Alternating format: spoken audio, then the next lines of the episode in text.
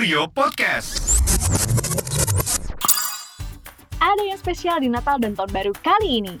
Di AirAsia.com Supercell hadir kembali. Dapatkan diskon hingga 60% untuk produk-produk AirAsia.com. Periode pemesanan 14 hingga 20 Desember 2020. Pesan sekarang di AirAsia.com dan aplikasi AirAsia.com. Karena AirAsia.com untuk kita.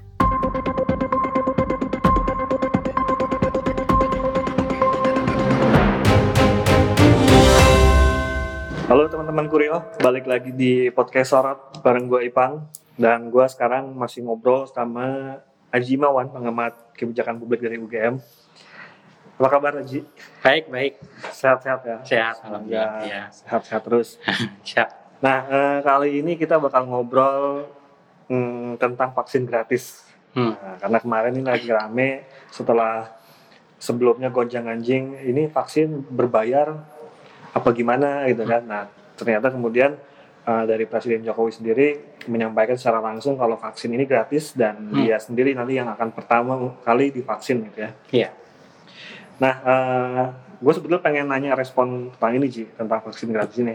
Hmm. Kalau menurut lo sendiri respon mengenai vaksin gratis gimana Ji? Hmm.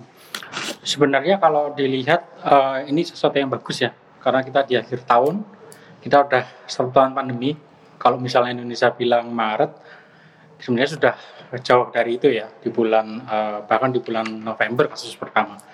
Tapi di Indonesia dari Maret, berarti kita sudah ya katakanlah secara rata-rata kita udah setahun, eh, sehingga banyak publik mengharapkan tahun depan tuh tahun tahunnya selesai pandemi gitu dan memulai tahun yang baru lepas dari pandemi. Jadi ini message yang bagus Hmm. untuk publik pertama itu. Eh, kedua soal ekonomi juga. Setelah Presiden Jokowi bilang vaksin gratis itu IHSG naik tinggi.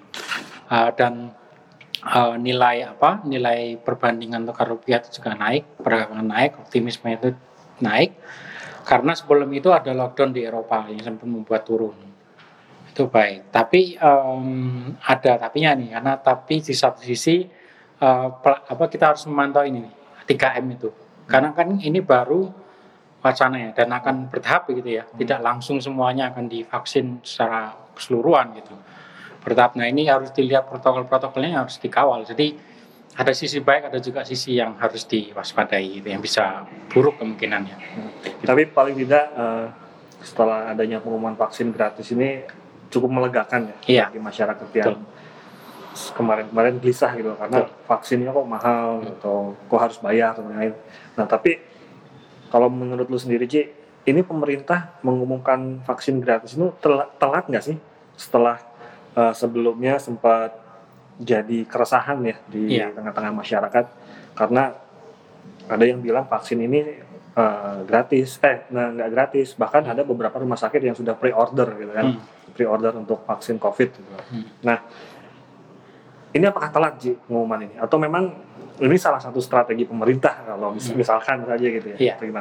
Kalau dilihat memang dari vaksin yang ada di dunia ya, itu kan sekarang ada tiga vaksin yang eh, eh, dalam tanda kutip lolos uji publik gitu ya. Hmm. Pertama Besifner eh, bahasa Jerman, Besifner, BioNTech dan Sinovac. Hmm. Kebetulan kita pakai yang Sinovac gitu ya. Hmm. Di beberapa negara pakai Besifner sama BioNTech itu. Nah, aku pikir pemerintah ngeliat itu. Pemerintah ngeliat mana opsi yang paling possible. Karena kalau ada ada tuh infografisnya ada beberapa vaksin yang kayak lomba eh, perlombaan itu, Uji- Masih masih uji klinis, ah masih sikulis dan sebagainya. Emang tiga ini yang paling ini. yang men- apa paling tidak mendekati akhir gitu ya? Betul. Ah. Dan memang tiga ini eh, kayaknya akhir November apa awal Desember itu baru eh, nggak jauh. Jadi Indonesia tidak pemerintah Indonesia tidak jauh pengumumannya dengan Hmm. katakanlah pemerintah Inggris waktu itu yang menggunakan dua vaksin Pfizer dan BioNTech itu. Hmm.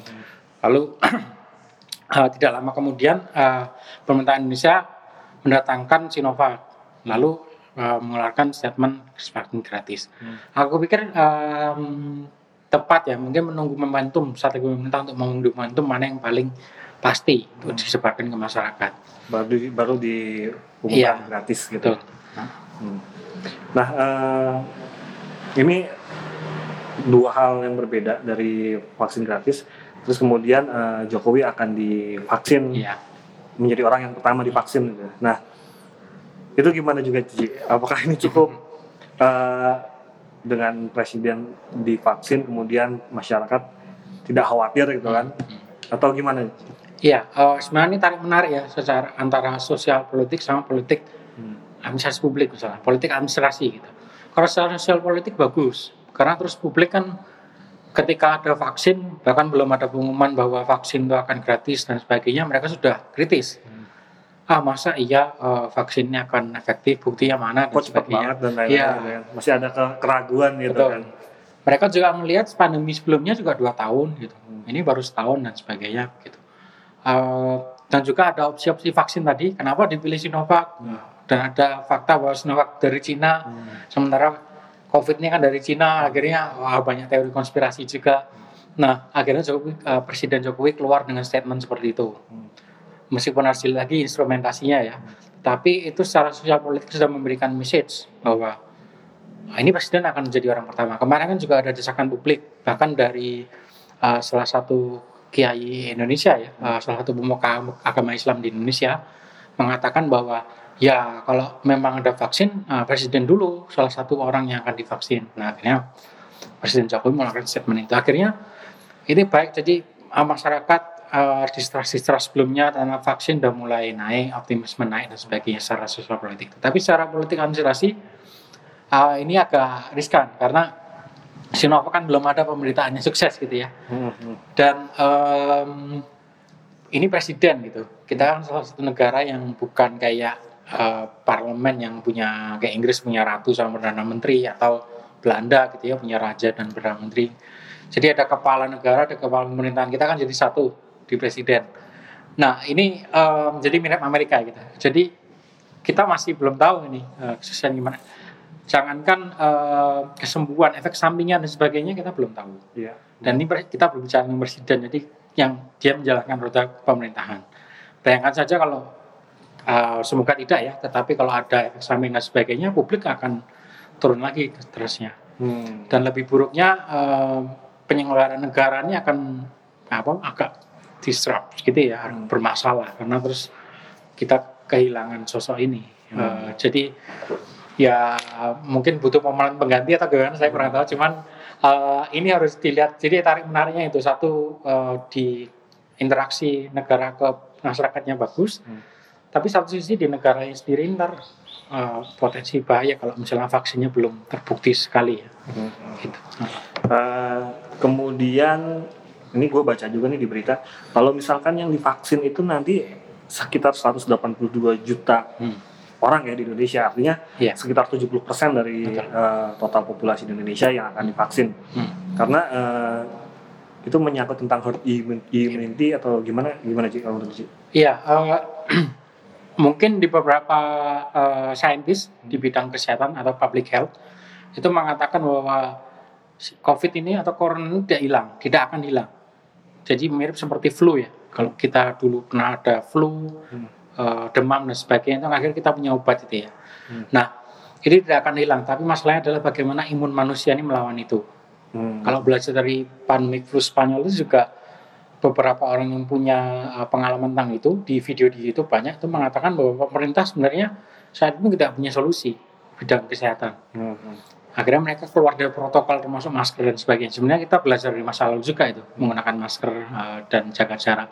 Nah itu mengatakan bahwa kami tidak tahu tiba-tiba itu hilang uh, apa flu Spanyol setelah dua tahun. Nah itu sebenarnya dari situ akhirnya para ilmuwan itu menemukan istilah herd immunity kekebalan kelompok. Hmm. Karena manusia-manusia yang hidup pasca itu adalah manusia-manusia yang sudah kebal dengan pandemi flu Spanyol. Hmm. Nah ini sebenarnya eh, satu-satunya cara untuk melawan corona juga ya herd immunity ya karena kan eh, sudah tidak hilang gue pikir eh, virus corona karena kan sekarang penyebarannya sudah bisa tidak bisa dideteksi Hmm. tidak hanya droplet sekarang bahkan katanya sudah air katanya sudah Hmm. di udara gitu sehingga vaksin ini sebenarnya memotong eh, herd immunity 70% jadi ya harapannya 70% ini akan mengangkat 30% untuk menjadi imun terhadap Hmm. vaksin eh, terhadap sorry terhadap corona Hmm. jadi eh, memang eh, ini message yang penting ya bahwa vaksin bukan eh, apa namanya eh, alat sapu jagat tidak selesai semua corona tidak tetapi itu salah satu metode untuk mencapai herd immunity yang yang itu merupakan salah satu referensi satu-satunya cara menghilangkan pandemi kalau referensinya pandemi Spanyol. Artinya kalau misalkan toh nanti pun udah ada vaksin massal dan lain-lain, Hmm. 3M itu harus tetap jalan ya, Ji. Iya betul betul. Eh, 3M ini kan sebenarnya sesuatu yang bagus ya. Hmm. Em, apalagi yang memakai masker dan mencuci tangan. Hmm. Selama ini higienitas juga jadi masalah juga di negara kita. Banyak orang-orang yang tinggal di daerah kumuh yang eh, itu akan memunculkan penyakit lainnya seperti eh, apa demam berdarah gitu. Nah sebenarnya eh, dengan adanya 3M itu sebenarnya bagus gitu ya, Eh, termasuk jaga jarak. Hmm. Jaga jarak kadang orang ada yang tidak sehat juga. Hmm. Bahkan sebelum COVID ada orang yang orang flu itu bisa menularkan ke orang lain jika berdekatan. Hmm. Sehingga eh, ini memang sesuatu yang harus di- dilanjutkan gitu ya, kebijakannya harus dilanjutkan dan harus masuk ke agenda kebijakannya pemerintah, terutama di Kementerian Kesehatan gitu ya. Hmm. Dan Kementerian Kesehatan sebenarnya punya itu di gerakan masyarakat itu ya, germas. Germas ya? Iya. Eh, cuci tangan dan sebagainya. Sebenarnya dulu ada cuci tangan itu. eh, waktu ada penyakit apa ya? eh, di awal dulu, termasuk cacar, itu ada gerakan bersih diri itu. Eh, jadi ini sebenarnya pengingat bagi kita semua untuk hidup bersih itu eh, dengan 3M itu. Hmm. Dan harapannya memang setelah setahun pandemi ini ada ada kebiasaan itu ya. Hmm. Jadi kebiasaan itu terbangun. Jadi meskipun ada vaksin kita, kita tidak kembali ke kebiasaan lama. Hmm. Gitu. Jadi memakai masker itu tetap gitu ya, menjaga jarak tetap dan mencuci tangan. Dan pakai masker pun juga bagus. Kita kan kalau keluar kan mengeluarkan CO2 yang itu akan eh, buruk bagi manusia lainnya. Jadi ya ini harus dilanjutkan sih meskipun ada vaksin eh, kebiasaan menggunakan masker ini. Harus menjadi kebiasaan Iya, baru ya, kebiasaan baru. Oke Ji, thank you atas ngobrol-ngobrolnya. Iya, Kita sama-sama. ketemu lagi next episode Ya. dengan tema-tema yang menarik lainnya. Teman-teman Kurio, terima kasih sudah mendengarkan. Bye bye.